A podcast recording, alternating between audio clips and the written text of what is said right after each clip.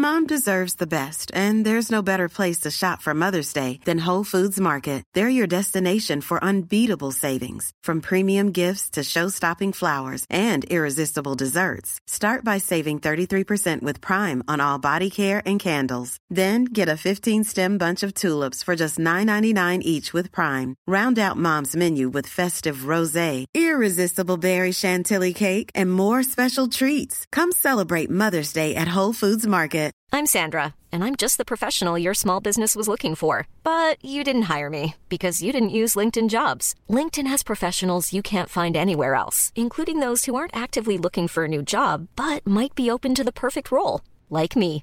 In a given month, over 70% of LinkedIn users don't visit other leading job sites. So if you're not looking on LinkedIn, you'll miss out on great candidates like Sandra. Start hiring professionals like a professional. Post your free job on linkedin.com/people slash people today. Burrow's furniture is built for the way you live.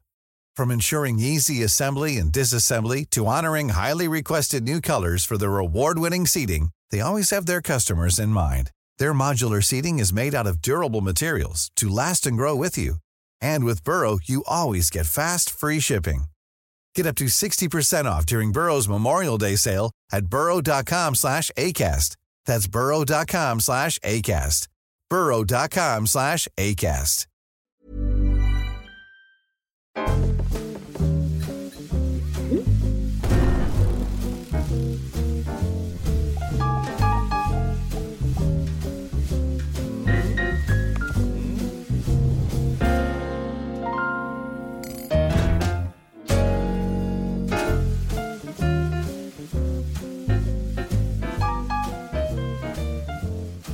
Ja, men då ska ni känna er hjärtligt välkomna till premiäravsnittet av Hockeylabbet i poddform.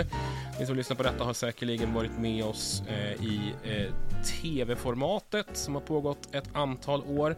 Den stora plantskolan som ju har eh, resulterat i att eh, två stycken av våra tidigare experter numera är eh, eh, SHL-medarbetare åt Leksand respektive Färjestad. Eh, Henrik Larsson heter jag. Jag eh, arbetar vanligtvis som producent och kommentator och lite SHL allt i allo på TV4. Och med Simon Brännström som klev in eh, i eh, Hockeylabbet förra säsongen. Välkommen! Tack Henrik. Eh, ja, det är två som har blivit upplockade där men det är ju en som inte har blivit upplockad då. Jag vet inte om man ska ta det som en burn eller jag vet inte vad. Vi ska väl nämna kanske att du kommer ju från andra sidan. Eh, Ja, du det är sant. var ju redan sant i faktiskt. gamet innan du kom till oss. Ja exakt, jag hade ju fem säsonger där i HV71 som analytiker innan jag klev på det här. Så du har så att säga ingenting, eh, ingenting kvar att bevisa. Bevis har man alltid, det, det tycker jag. Det märks när man kastar sig ut i det här eh, massmediala samhället att man ska ändå ha något på fötterna när man, när man är där. Vi får väl se vad vi har att komma med idag. Eh, ambitionen är i alla fall att vi precis som i tv-formatet ska kunna fördjupa oss lite grann i första hand i de svenska två översta hockeyligorna, SHL och Hockeyallsvenskan. Ehm, och i just poddformatet kanske vara lite mer utforskande, lite bredare eh, i, i vad, vad, vi, vad vi tar upp och eh, samtidigt också lite ehm, ja, men kunna nörda in oss på, på lite mer obskyra detaljer när vi får, får känsla för det.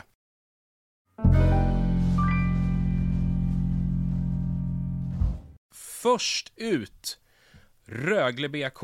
Eh, innan det senaste landslagsuppehållet så fick Cam och Chris Abbott foten efter en säsong som har eh, påmint väldigt starkt om den som man genomförde i fjol. Det vill säga man har inte motsvarat de resultatmässiga förväntningarna och man eh, ligger ganska fast förankrade nu i eh, tabellens bottenskikt. Eh, Simon, vi har ju kikat på lite aspekter i eh, Rögle-spel och vad det kan, vara ligga för, vad det kan finnas för bakomliggande eh, orsaker till eh, kräftgången den här säsongen också. Vad ser du som eh, sticker ut hos Ängelholmslaget? Egentligen ser jag inte sådär supermycket som sticker ut eh, åt varken det ena eller andra hållet. De är ju de är ett lag med stora ambitioner men de kanske inte har motsvarat dem. Men samtidigt är det här en liga som är otroligt tight så skillnaden mellan en fjärdeplats och en tionde plats är ju hårfin. Um, däremot så har de inte fått utfall, eller utfallet som de vill ha och största enskilda förklaringen till det som jag hittar är ju kanske målvaktsspelet som har varit svagt under ganska många säsonger. Eh, Rifalk är väl en av de målvakterna som vi har som allra mest data på och man kan se att hans prestation ligger rätt eh, stabilt om man säger så under genomsnitt i ligan.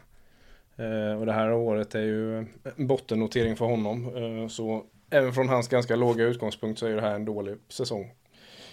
Så det är väl största förklaringen skulle jag säga där eh, till resultatet att det har blivit som det har blivit. Ja, kollar vi på eh, SHL-målvakterna rent generellt så ligger väl Rifalk i, i den absoluta botten eh, tillsammans med Viktor Brattström där som inte har eh, särskilt mycket data på överhuvudtaget i och med att han har spelat så pass lite. Ändå har man eh, varit ganska konsekvent i att låta Rifalk spela. Han och Kvartsa har väl slått ungefär samma mängd matcher under säsongen. Eh, ja, de har ju litat på Rifalk länge. Det, det, det är ju väldigt tydligt. Men sen eh, som du säger, den prestationen som varit i år, den är ju det är inte så att den är lite smådålig utan det är på en nivå som är, det är svårt att vinna matcher med en målvakt som släpper eh, ungefär ett mål mer förväntat per match. Eh, som sagt, det är, Brattström går ju inte att jämföra med, han har väl tre matcher eller, eller så i, eh, som startmålvakt, så det är ju svårt att jämföra med honom. Men jämför du, honom, eh, jämför du Rifalk med alla andra målvakter som startar lite mer så ligger han ju kraftigt distanserad från alla, de allra flesta. Och jämför man honom exempelvis med Filip Larsson så är det ju typ nästan två mål per match i, i insläppt extra liksom. Det är ju svårt att vinna tajta matcher då. Eh, 0,72 ligger han på, eh, sett till alltså släppa fler mål än han ska enligt Sportlogic siffror. Och i de, kollar vi på de breda eh, siffrorna, alltså i grundläggande räddningsprocent, så är Rögle näst sämst i ligan på 89,5. Och det blir sämre eh, när vi kommer närmare mål, eh, ett problemområde som Rögle har betonat hela säsongen. Och man har släppt ganska mycket mål. Man är ett av de lag som släpper till absolut flest mål i det inre slottet, alltså ytan allra närmast mål. Ehm, och där är vi nere någonstans runt 70-71 i det inre slottet i räddningsprocent. Och fördelat på båda målvakterna då, ännu sämre för Rifalk. Ja, det är ju en siffra som är alldeles för låg. Eh, sen är det också en siffra som fluktuerar väldigt mycket. Så mm, jag vill inte dra för stora slutsatser av det utan jag vill egentligen om jag ska utvärdera målvakt så vill jag titta på alla siffror. Eh, men det är ju såklart det är ju en förklaring till varför det har blivit som det har blivit. Det som man sen kanske vill göra är att titta på laget om man hittar någon, någonting strukturellt som gör att det har blivit så här men jag är svårt att hitta det faktiskt. De flesta eh, försvararna gör det ganska bra egentligen genom att förhindra mycket puckar som kommer in i, eh, i eh, skottsektorn. Ehm, så jag hittar liksom ingenting strukturellt där egentligen. Ja, det var precis, Utan, precis det jag skulle komma till egentligen. Alltså, om, om, nu, nu är vi ganska kritiska mot, mot målvaktssidan i Rögle rent generellt, men hur mycket du känner ändå att de får eh, tillräckligt med hjälp av, av försvaret för att det här ska kunna, kunna se bättre ut? Ja, det, jag skulle ju säga att den, den, den prestationen som eh, målvakten har stått, stått, för nu liksom eh, kan man inte skylla på något försvar och så. Sen kanske försvaret såklart har förbättringspotential även det. Men eh, jag ser inget eh, strukturellt att tittar man på försvararna var för sig så, så har de flesta ganska bra siffror på de sakerna som jag brukar kolla på. Och det är ju framförallt målchansskapandet hemåt och hur bra man är på att skydda eget skottsek- egen skottsektor och sådär. Det finns liksom ingenting där som tyder på att det här skulle vara någon eh, ja, men, taktikmiss eller eh, ja, strukturellt generellt. Däremot finns det kanske eh, någon eller några enstaka spelare som sticker ut negativt. Och det är ju någon, någonting som har återkommit ganska mycket när, när, när, när eh, expertisen har varit kritisk mot Rögle så har det pratats om just ett försvar som är ganska offensivt inriktat. Nu finns det vissa tydliga defensiva pjäser, eh, Brandon Davidson är en av dem, men det finns eh, framförallt ett, ett väldigt offensivt viktat försvar i, i Michael Kapla, i Thomas Gregoire och framförallt Gregoire är ju en sån som har fått jättemycket kritik. Men du känner inte att, att, att han är en av dem som ska lastas för alla mål som man, som man släpper in? Eh, nej, nej, det skulle jag inte göra. Sen visst, det kan ju vara enskilda misstag som leder till stora, stora chanser. Men ögat har ju också en tendens att övervärdera de eh, stora misstagen om man säger så. Det, det, alltså de grejerna som avgör egentligen om man är en bra eller en dålig eh, försvarare är ju liksom de här små grejerna, små sakerna som kanske inte ögat märker. Eh, stora misstag har ju generellt eh, försvarare som har mycket puck har ju en tendens att göra de här kanske lite större grejerna men Eh, gör mycket annat som är väldigt bra som inte bara liksom utjämnar de här misstagen utan kanske till och med gör att det är värt att man ger dem pucken mer än andra backar. Eh, men det, det, det som jag kan se är väl att det, det är väl typ eh, Brandon Davidson som sticker ut lite negativt i, i, försvars, i egen försvarszon. Det är, väl, det är väl typ det jag kan se. Så goda möjligheter för Rögle att vända på det här alltså med andra ord? Eh, ja, men de har, ju fortfarande, de har ju fortfarande samma målvakt i målet. Så. Eh, alltså att tro att, eh, att eh, man ska få ett mycket bättre utfall på målvaktssidan, det tror jag hoppas för, på för mycket. För så mycket data som sagt som vi har på honom så finns det inget som tyder på det. Däremot så är hans prestation som varit nu, det är ju inte hans baseline-nivå liksom. Han kommer ju antagligen kunna göra mycket bättre prestationer än det där, men eh, på, på sikt så sk skulle man nog kunna tänka sig en förändring där för att eh, ge en eh, eh, målvaktssidan en edge istället för att det ska vara någonting som kanske gör att man förlorar matcher på sikt. Alright. Um, ehm, återstår att se hur, hur, vad som händer för Rögles del, om man kanske tar in en målvakt eller om man gör ytterligare förändringar på backsidan. Så jag passar på att säga det också att eh, de, det, det, som vi pratar om kommer att dyka upp också i bildform på eh, vårt Instagram-konto som är nystartat som heter Hockeylabbet podd med ett D. Eh, där kommer vi att eh, placera lite grafer, plottar, listor och sånt som dyker upp i det, det, här samtalet. Så håll utkik efter det och följ oss på Insta.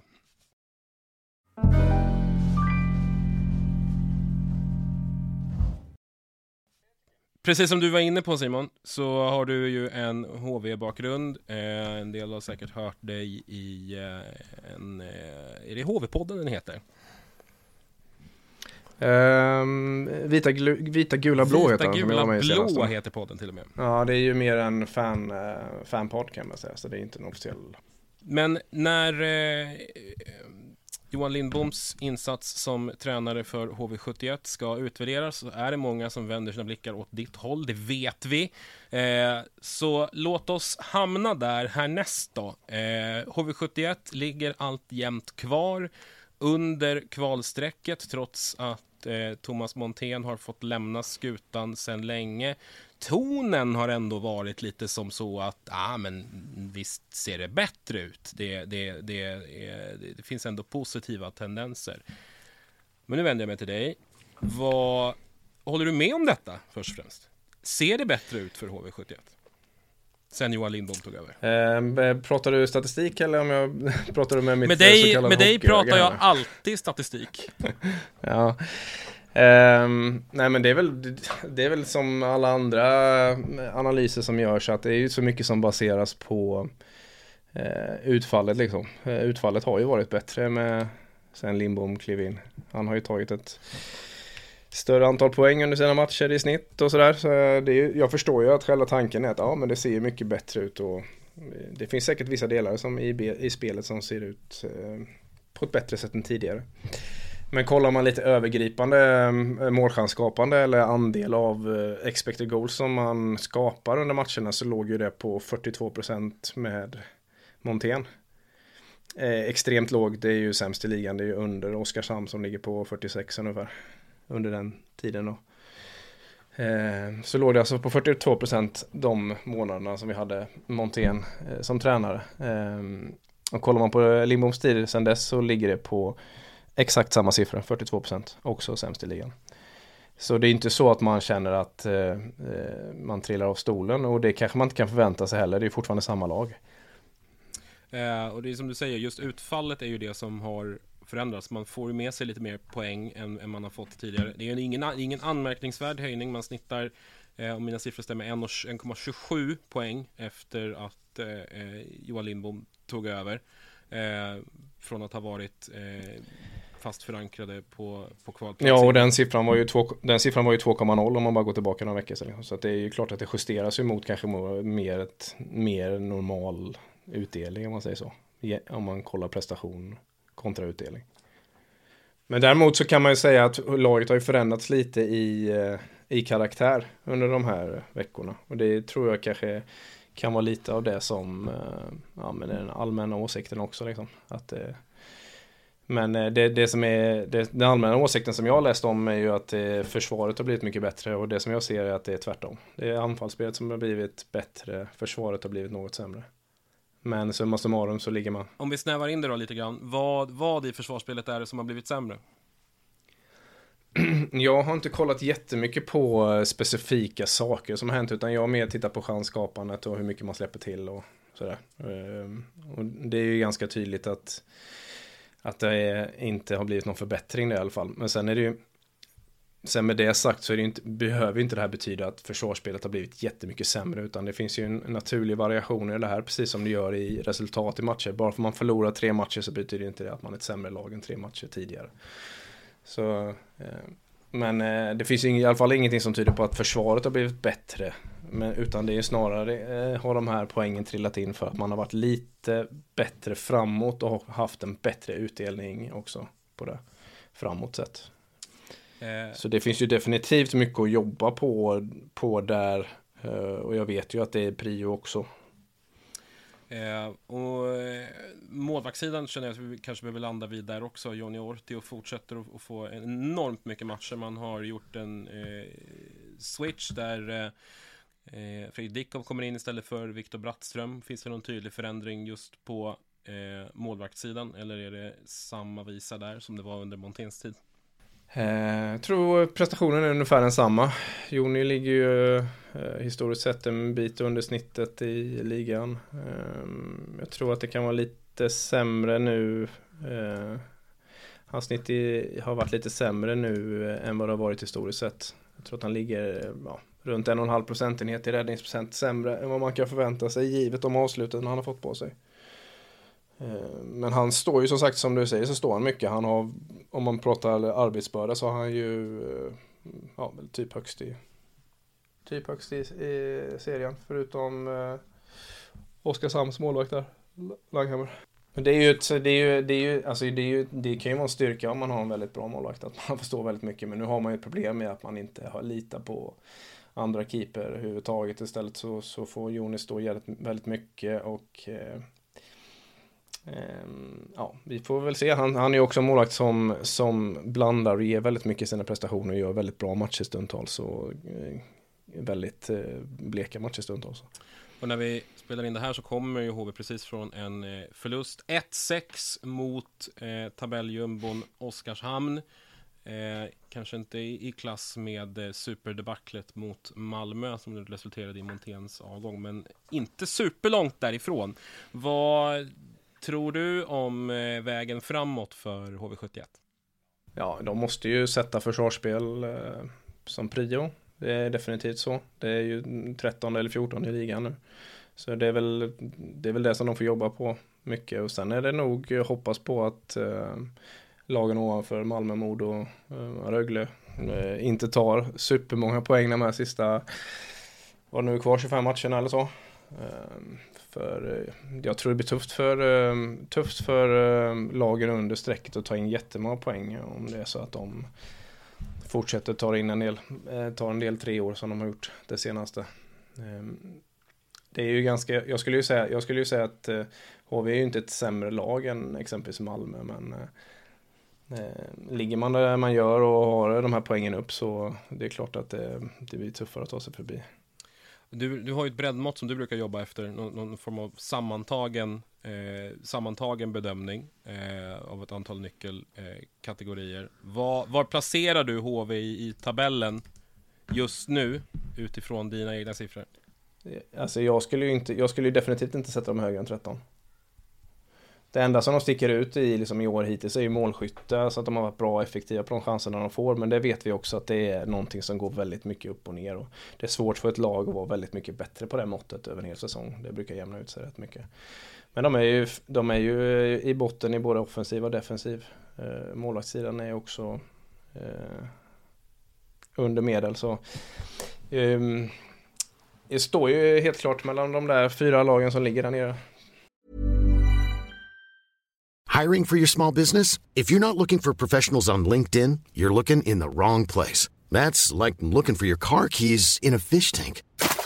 LinkedIn helps you hire professionals you can't find anywhere else, even those who aren't actively searching for a new job but might be open to the perfect role. In a given month, over 70% of LinkedIn users don't even visit other leading job sites. So start looking in the right place. With LinkedIn, you can hire professionals like a professional. Post your free job on linkedin.com slash people today. Hey there, it's Michelle Norris. I'm host of a podcast called Your Mama's Kitchen. When I travel, I'm usually looking for a way to find a taste of home when I'm not at home. And one of the things I love to do when I am at home is entertain. And Airbnb allows me to do that. When I was in California recently, I rented a house that had a great kitchen. And when we were sitting around the table, we're all thinking, we're in someone else's house. Someone could be in all of our homes as well. If you have a home, but you're not always at home, you have an Airbnb. Your home might be worth more than you think. Find out how much at airbnb.com/slash host. Mm, vi, vi står inför en spännande eh, andra halva av säsongen, onekligen. Vi ska röra oss från eh, den absoluta bottenskiktet i SHL till det absolut översta, tänkte jag, eh, och prata Färjestad. Och snäva in oss på en spelare som vi kanske inte pratar om sådär supermycket, som sällan får de stora rubrikerna, inte ens när han utsågs till eh, slutspelets bästa spelare 2022 när Färjestad vann SM-guld, så fick Per Åslund överdrivet mycket cred egentligen. Eh, vi har kikat lite grann på hans säsong, som ju är ganska intressant. 37 år gammal, eh, går han mot sin poängmässigt starkaste säsong i karriären. Han är, håller, eh, är på väg mot ett eh, snitt, han taktar mot att göra en bit över 40 poäng i karriären. Eh, hans poängmässigt bästa säsong någonsin alltså. Eh, och eh, det blir lite intressant när vi kikar på vilken roll som han har tilldelats av Thomas Mitell, Simon, eller hur? Ja, verkligen. Eh, det är väl ett tydligt exempel på att eh, lika barn inte alltid leker bäst. Han spelar med två stycken, med, med två stycken spelare som har väldigt mycket puck och själv har han väl kanske puck en gång i stort sett och det är när det ska avslutas eller i närheten av kassen. Det märker man ju på poängskörden och och det ser man ju på alla andra siffror också. Och de två spelare som, som du refererar till då är ju eh, David Tom Tomasek i, eh, som ju eh, spelar center i den formationen och eh, Joakim Nygård. Och det är ju två spelare med extremt tydliga spetsegenskaper. Den ena, en offensiv dynamo har vi sett hittills i, i eh, under den här säsongen, har redan förlängt med Färjestad. Och eh, Joakim Nygård, förmodligen den spelare som är bäst i SHL på att flytta upp spel Eh, och vad blir, det, vad blir det kvar åt Per Åslund eh, i, i den formationen? Ja som sagt det blir, det blir inte så mycket puckinnehav, det blir det ju inte. Nej men alltså du, du ser, det, det är ju som du säger, du har ju Nygård som har pucken egentligen från eh, egen zon till anfallszon i stort sett och sen har Tomasek tar över där och har pucken i anfallszon. Har ju mycket puckinnehav och levererar väldigt mycket passningar in till slott och sen Åslunds roll blir ju eh, den sista punkten där. Men det, det, syns ju också på, som jag sa där, på poäng, poängproduktionen att han har ju väldigt hög så här, primary första och mål och första assist så ligger han ju jättehögt i ligan. Men egentligen ligger han ganska långt ner på allt annat. Det innebär ju att de andra två gör ju det jobbet som behövs. Och och man har hittat en perfekt roll för eh, Per Åslund som har ändå kommit upp i en diger ålder nu. Ja, lite, lite siffror då för att sätta i sammanhang. Det, det som du säger, han, han eh, precis som du är inne på, han, han, han går ju neråt i stort sett varenda kategori som inte, inte resulterar i må, mål och assist. Eh, hans tid med pucken, Per spelade 20 minuter just nu, är nere i 46 sekunder. Han har väldigt lite tid med pucken. Eh, han eh, taktar mot allt mindre, allt mindre entries, allt mindre eh, offensiva insatser egentligen som, som inte är, är direkta avslut. Däremot så, så ligger han eh, högre än någon någonsin i karriären sett till eh, eh, avslut från slottet. Eh, och man har ju tidigare, tidigare så har ju Thomas Mittell fått extremt mycket beröm just för hur han har varit duktig på att hitta roller åt eh, spelare, att liksom inte kräva att alla ska göra samma sak hela tiden. Det här om något är väl ett jättefint exempel på just det. Ja men visst är det så, man har ju plockat honom från en defensiv roll och hittat honom, hittat den liksom perfekt för jag, det som jag tänker att Mittell tänker är att han vill ju inte ha en spelare där som egentligen ska ha mycket puck och är väldigt bra på det för han kommer liksom inte få möjligheterna där i den formationen. Utan då vill man hellre ha den här typen av spelare så det är ju sjukt smart så. Eh, jag kollar deras XG-procent, den, den linan ligger ju extremt högt, den ligger på nästan 75% så tre av fyra chanser som skapas görs ju framåt i den där ligan eh, i den här kombinationen. Och det, det, är ju ett sätt att bygga formationer som ju går igen eh, i eh, andra linjer i Färjestad också. Vi har ju eh, i TV4-sändningar eh, öst beröm över Viktor Ejdsell.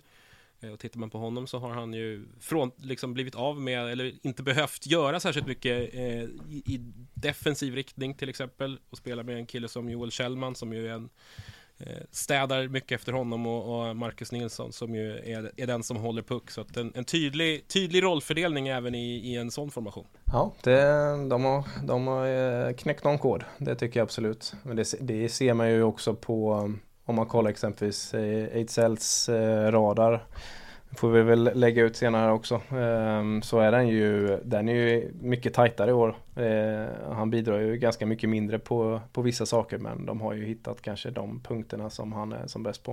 Och utnyttjar dem. Och sätta honom tillsammans med, tillsammans med spelare som gör att han kan eh, ja, utnyttja sina styrkor. Hur, eh, om vi tittar i ett framtidsperspektiv, hur, hur eh, eh, länge tror du att det finns eh, att en sån som Per Åslund kan åldras i en sån här roll? Det är svårt att veta. Dels finns det ju ganska få spelare som, som klarar av att spela på den här nivån uppe i den åldern. Eh, det finns ju definitivt allt för få för att kunna göra någon form av dataanalys på det. Eh, så då kommer det mycket ner, mycket ner till hur den personen har varit och hur den har tränat och hur den är idag och motivation och så vidare. Men eh, ja, det, det, är klart att det här börjar ju väl luta åt att hans sista säsonger eh, är någon av de här som kommer. Vi får följa honom som ett pionjärexempel helt enkelt. Han gör det otroligt bra i alla fall. Ja, ja men jag tror ju också att det kommer ju bli, det kommer bli vanligare och vanligare med äldre spelare eftersom ja, kost, kost och träning har förändrats liksom och sådär. Så det, det är klart att det är vanligare. Det ser man ju andra spelare som är över, långt över sin peakålder eh, som fortfarande levererar på ett bra sätt om du går tillbaka typ en 7-8 säsonger så var väl kanske det var ju peak-åldern 5 mot 5 eh, i alla fall poängskörd var ju 23 år då. Eh, det skulle inte förvåna mig om den har justerats lite uppåt. Men är det inte också lite intressant att, att eh, man i det här fallet låter en, en, en alltså lagets äldsta spelare eh, ja, men, ska man säga, ut, utvecklas vidare i en allt mer offensiv roll? Eh, som du säger, den, den generella tiden pekar ju dit. Det lättaste är ju bara att dra tillbaka och liksom spela, spela defensivt i slutet på karriären. Det ser vi ju massor med exempel på, men, men absolut inte i, den här, i det här fallet. Eh, vi kan ju bara, bara nämna det att, att tittar vi på tiden numerärt underläge till exempel så har eh, den eh, blivit 25 procent mindre för Per Åslund och istiden totalt också mindre, men medan zonsta, offensiva zonstarter har ökat kraftigt. Mm. Mm. Nej men jag tycker det är väl eh, det är ju den enklaste grejen att göra med sådana här eh, franchise-spelare som har varit med länge och eh, det, det är att låta dem spela i fjärde, sista två, tre åren men man kanske gör det mer av att man är tacksam spelaren och det, dess karriär egentligen. För, egentligen inte kanske så mycket för att han är jättebra i den rollen utan eh, här har man gjort på ett annat sätt. Eh, det, ja men det är intressant. Det, det är kul när det tänk, eh, tänket är lite annorlunda än det som är standard.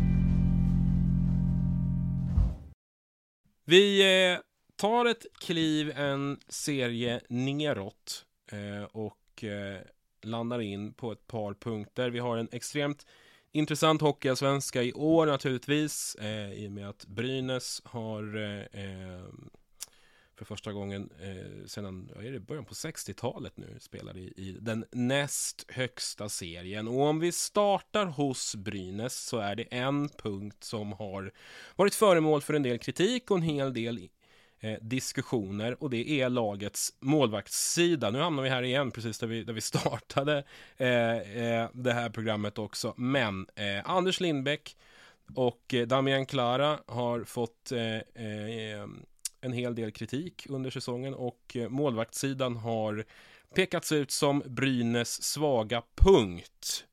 Och då är min fråga till dig Simon, eh, är det det? Eh, ja, det är väl svara, svaga punkten eftersom laget i övrigt ser väldigt bra ut i underliggande siffror kan man väl säga. Hur, eh, hur illa är det?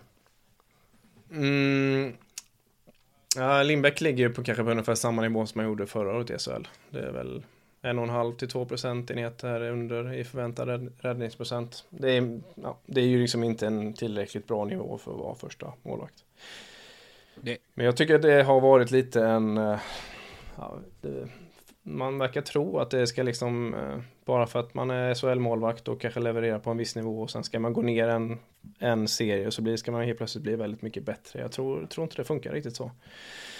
Vi såg det på eh, Lindbäck i år, det är samma siffror. Vi såg det på Gunnarsson när HV var nere, det var nästan exakt samma siffror som i SHL. Eh, så ja, det finns liksom ingen garanti där att man, att man helt plötsligt blir en väldigt mycket bättre målvakt. Det, det på något sätt skulle vara enklare skott i Hockeyallsvenskan, det, det, det, tror jag bara inte. Är, är det på något sätt? Men däremot, däremot så, däremot så ehm, är Klaras siffror inte så dåliga som, som man kanske vill tro. Han ligger, eh, ja, han ligger fortfarande under genomsnitt men det är marginellt. Så. Kan man, kan man dra några slutsatser utifrån eh, arbetsbelastning där? Har det varit jobbigare matcher för Klara? Det är, svår, det är lite svårt att veta. Det är klart att eh, modellen som används, den XG-modellen som används är ju inte perfekt eh, på, eh, på låga datavolymer, så är det ju. Men eh, eh, det som jag kan se i alla fall är ju att eh, prestationsmässigt så ligger han ju en bra bit över Lindbäck. Eh, sen kan det vara så att han har släppt in vissa mål som man tycker att han ska ta. Så kan det absolut vara. Men eh, det gör i stort sett alla målvakter och stora misstag är ju någonting som eh, målvakter brukar hängas för ganska mycket. jag tänkte återknyta till det du var inne på lite grann att det är absolut ingen självklarhet att en, att en målvakts in, liksom, statistik blir automatiskt bättre bara för att man kliver ner en nivå. Är, är det liksom upplever du att det liksom är någonting som är särskilt applicerbart just på målvaktssidan eller finns det, någon, finns det någon generella data att titta på? Mm, ja, det, jag tror absolut att det är större skillnad på eh, ute, utespelare när det gäller att kliva ner i nivå. Det, det finns mer att påverka där. Men själva liksom avslutssekvensen och liksom trafik på mål ungefär, det, det skiljer ju kanske lite grann men det skiljer definitivt mindre än vad det gör för en utespelare att byta ner en, en division. Sen var du också inne på en intressant grej när vi pratade om det här inför, att det är en lite så halvspeciell säsong i Hockeyallsvenskan. Det görs ganska mycket mål. Det, så är det verkligen. Det är bara tre, fyra målvakter som räddar mer än förväntat. Så det, det betyder ju att det är en effektiv säsong om man säger så. Sen vad det beror på är lite svårt att det är lite svårt att veta, så är det liksom eh, från säsong till säsong. Vissa år så gör det liksom lite mer mål än förväntat och vissa säsonger så görs det färre mål än förväntat. Eh, så det är, det är ganska svårt att vara en målvakt som ligger på riktigt bra siffror i år. Men även om man tar hänsyn till det så ligger ju Lindbäck för långt ner. Men Klara det kanske liksom inte är eh, egentligen någon eh, större katastrof. Eh, I alla fall inte statsmässigt då. Ja, tittar vi på eh, mål som räddats över eller under förväntan då så är ju Damian Klara på sjunde plats om vi, vi plockar bort Jonathan Golding som har bara stått en minut. Eh, Ni plockar bort honom? Jag tror vi gör det. Eh, Se till att vi har lite, lite, för lite data att hämta på honom. Eh, och det är ju, det är ju en fullt acceptabel Ja, jag såg att han har, han har Ja, han har räddat 22 procentenheter över förväntat. Ja, det är ju, det är ju strålande. Han är ju uppenbarligen ett stjärnämne. Ehm, så, så det, det, är absolut inga anmärkningsvärda siffror. Nej, det är en handfull målvakter ja. som är där över liksom. Med, med... Så, och det är inte, det är inte standard och det är inte, det är, det är, inte riktigt så det blir över tid liksom. Men så kan det absolut vara på 25-30 matcher, det är inget konstigt. Um, och all, allra lägst upp i toppen, de här, vi kan väl nämna dem också, de målvakter som du nämnde som hade stuckit iväg där lite. Valtteri Ignatjev Eh, har alltså redan ja. räddat 13 mål nästan mer än han ska den här säsongen. Eh, och Jonna ja. Voutilainen ligger på 6,63 eh, räddade mer mål än han ska i ett, i ett stundtals ganska svajigt Björklöven. Så att, Ja, det är fränt med Ignatjev för han har ju mest arbetsbörda. Alltså han, har ju, han har ju fått mest förväntade mål på, mot sig om man säger så. Han har stått mest kan man väl säga. Och har bäst eh, statistik. Det är ju en väldigt bra kombo där. Om man står väldigt mycket och är väldigt duktig. Och när, där kan vi väl ändå prata om någon som eh, vore intressant att kanske flytta upp en, en division. Se lite, vad, se lite vad som kan hända där. Det är, det är som du säger, det är extremt, extremt bra siffror på Ignacio. Det är alltid klurigt att, att utvärdera målvakter på en halv säsong eller sådär men det, siffrorna är ju jättefina. Och de är liksom inte ohållbara så. Det är, alltså ligga 2% in inte över går ju, det går ju kanske inte på en karriär men det går ju på några säsonger liksom. Det är spännande att följa Ignacio, spännande att följa vad Brynäs hittar på. Eh, var inne på att Rögle kanske skulle behöva en, en målvaktsförstärkning. Kanske gäller det även Brynäs, vet att det är någonting som har debatterats från många olika håll. Vi håller oss kvar i Hockeyallsvenskan för eh, sista ämnet för dagen eh, och flyttar över till Södertälje och ett unikum eh, som eh, frontar det här laget som är poängkung. Eh, han heter Marcus Eriksson och han gör en alldeles fantastisk säsong. Ja, det är häftigt med åldermän som eh, inte ligger på latsidan när det gäller poängproduktion. Och om, vi om vi tittar på poängproduktionen eh, rent krast eh, utifrån hans ålder. Eh, Eriksson har ju, har ju, hunnit fylla 38 eh, och det finns ju ingen spelare just nu som eh, i, i Hockeyallsvenskan i dess nuvarande form historiskt sett som har hållit ett högre poängsnitt eh, än vad Marcus Eriksson gjort som är alltså äldre än, än 37. Eh, och bara en sån sak. Och de som är före honom som är äldre än, äldre än 35 som har producerat ett högre poängsnitt än Marcus Eriksson under en hel Hockeyallsvensk säsong. Det är ganska intressanta namn. Det är Mikael Karlberg, det är Linus Fidell och det är Conny Strömberg, superlegendaren. Som ligger precis före Eriksson. Så att det, är, det, är ett ja, ganska, det, är det är ett ganska trevligt sällskap han, han befinner sig i. Ja absolut, det är inga dåliga namn och det, det som är, sticker ut lite med Marcus som jämför med de andra är ju att han har ju ändå Jag vet inte hur många säsonger han har i division 1 uh, eh, Han har ju liksom inga i högsta ligan så det är inte så att han har en gedigen SHL-karriär bakom sig och klivit ner en division för att göra massa poäng utan det här är ju verkligen tvärtom.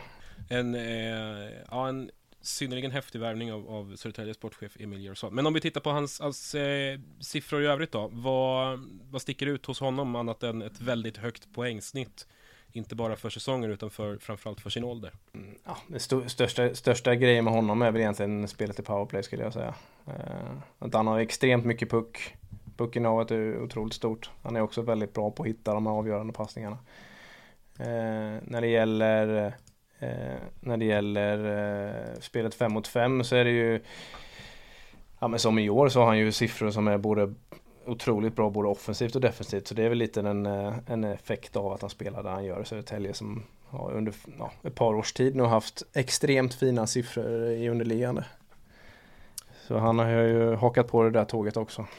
Ja, det är, det är också någonting som, som har återkommit när, när eh, narrativet har styrts mot Södertälje att man har eh, otroligt bra underliggande siffror och man är ju sammantaget, eller hur, fortfarande det lag i Hockeyallsvenskan som på pappret ser bäst ut om vi ser förbi tabellplacering. Eh, ja, så är det verkligen. Um, det blir ju så det där laget som, eh, lite som förra året, det tog ett tag, tag för dem och, och eh, kanske börja skapa sig en eh, bra tabellposition men underliggande siffror såg ju bra ut ganska tidigt förra året. Och lite så var det varje år. Det var väl också lite eh, halvpanik där och eh, många som hade mycket åsikter om saker och ting. Men de har ju behållit sin hyfsat lugna fall. De gjorde väl en liten rokad i tränar, tränarrokad där men det har ju inte egentligen påverkat de underliggande siffrorna så mycket. Däremot har ju poängskörden kanske mer landat i linje med det som man presterar trots en lite, även där lite kanske svagare målvaktsinsats än vad man kan eh, eh, vad man skulle kunna hoppas på. Ja, för tittar vi på Thomas Scholl så eh, ligger han ju tillsammans med eh, Anders Lindbäck i bottenskiktet av eh, de hockeyallsvenska målvakterna. Eh, ja, han har släppt in nästan åtta mål mer än han ska den här säsongen. Eh, och räknar vi bort dem, då är det ju eh, ja, praktiken nästan som man kan ut, utnämna Södertälje till serieledaren. Ja. ja, men de har nästan varit så bra i prestation tycker jag i 5 mot 5. har man nu även adderat den kryddan med kanske seriens bästa powerplay-spelare så ja, då blir man ju livsfarlig. En eh, lite intressant aspekt just kring Scholl är, eh, kring båda SSKs målvakter faktiskt, är eh, problemen som man har när eh, det kommer skott med skymning. Båda ligger extremt långt ner och Södertälje är sämst faktiskt i hela Hockeyallsvenskan när det gäller att eh, hantera skott med skymning. Släpper in väldigt mycket mål. Men på det hela taget, eh, just målvaktssidan för Södertälje såg ju, ser ju faktiskt bättre ut nu än den gjorde i, i början på säsongen. Då det var, ja. kunde betecknas som en rejäl akilleshäl. Ja, men jag tror, jag tror ju som sagt att det där är också sånt som man inte ska, man ska liksom inte var ute allt för tidigt med att hänga målvakter hit och dit. Det var ju liksom lite som, visst Brattström hade ju en tuff eh, säsong, startade både i Björklöven och H71 men liksom, det går ju inte att utvärdera målvakt på fem matcher. Det, är ju, det går ju liksom inte. Det finns liksom ingen målvakt som är i närheten av sin normala prestationsförmåga om man bara kollar på fem enstaka matcher. Då får du välja liksom fem matcher under en hel säsong kanske. Då ska man hitta någonstans där. Um, åter till Marcus Eriksson då. Du, du nämnde hans, hans powerplay-egenskaper. Eh, det är också en fråga som har lyfts. Skulle det kunna gå att lyfta in honom i ett SHL-lag och han skulle kunna eh, färga i, i en eh, ja, men framförallt kanske i en powerplay-formation, vad tror du? Mm, ja, det är, så, i powerplay är det svårt att se att han inte skulle vara bra, rikt, eller väldigt bra till och med. Ehm, sen är det väl, det har väl alltid varit eh, ständiga frågan kring Marcus Eriksson och, och tempo och sådär liksom. Men det var väl det var väl nästan ifrågasatt innan han gick upp till allsven, Hockeyallsvenskan också om han skulle klara det tempot liksom. Ehm, han har ju en väldigt speciell eh, spelstil. Ehm, men eh, den här långa klubban kan nog funka även i ett PP i, i SHL. Det skulle jag, skulle jag tro. Och, och som du är inne på, han är, excellerar i de allra flesta offensiva kategorier som finns egentligen. Eh, både vad gäller målskytte eh, och spel in i, i skottsektorn. Eh, och ja, playmaker rent generellt. Han ligger, ligger oerhört, mm. oerhört högt i de allra flesta offensiva kategorier. Ja, det är typ så att han inte kommer till så kanske jättefarliga chanser i snitt. Han skjuter ju generellt sett ganska långt från mål. Det är väl typ det enda som är liksom kanske lite svagare då. Men det är ju den spelstilen han har. Han är ju mer, mer playmaker liksom. Mm, det blir spännande att se om, om, eh, om Marcus Eriksson kommer att eh, kunna bibehålla det här poängsnittet nu och eh, spela SHL med Södertälje kanske? Kanske det till och med. Det är absolut inte uteslutet. Eh, serie 2 just nu. Det varit kul. Ja, serie 2 just nu bakom Brynäs eh, i en ganska tight topp på eh, Hockeyallsvenskan. Mm, mm, Med det så eh, rundar vi av för idag. Eh, det gör premiären vi. är avklarad. Vi hoppas att vi hörs snart igen eh, med eh, lite eh, nya färska ämnen eh, kopplade till svensk topp-ishockey. Vill ni komma i kontakt med oss så finns vi på Twitter bland annat och så finns vi även på eller X ska vi kalla det nu till och med. Vi finns på X med våra personliga konton Henrik Larsson och Simon Brännström. Och så finns vi i eh, poddens eget konto på Insta. Hockeylabbet podd med ett D. Ja, kul att snacka hockey. Verkligen roligt. Vi hörs snart igen. Tack för att ni var med oss. Mm, tack. Hej, it's Danny Pellegrino from Everything Iconic. Ready to upgrade your style game without blowing your budget? Check out Quince. They've got all the good stuff shirts and polos, activewear, and fine leather goods, all at 50 to 80% less than other high end brands. And the best part? They're all about safe, ethical, and responsible manufacturing. Get that luxury vibe without the luxury price tag. Hit up quince.com slash upgrade for free shipping and 365 day returns on your next order. That's quince.com slash upgrade. Mom deserves the best, and there's no better place to shop for Mother's Day than Whole Foods Market. They're your destination for unbeatable savings, from premium gifts to show-stopping flowers and irresistible desserts. Start by saving 33% with Prime on all body care and candles. Then get a 15-stem bunch of tulips for just $9.99 each with Prime. Round out Mom's menu with festive rosé, irresistible berry chantilly cake, and more special treats. Come celebrate Mother's Day at Whole Foods Market.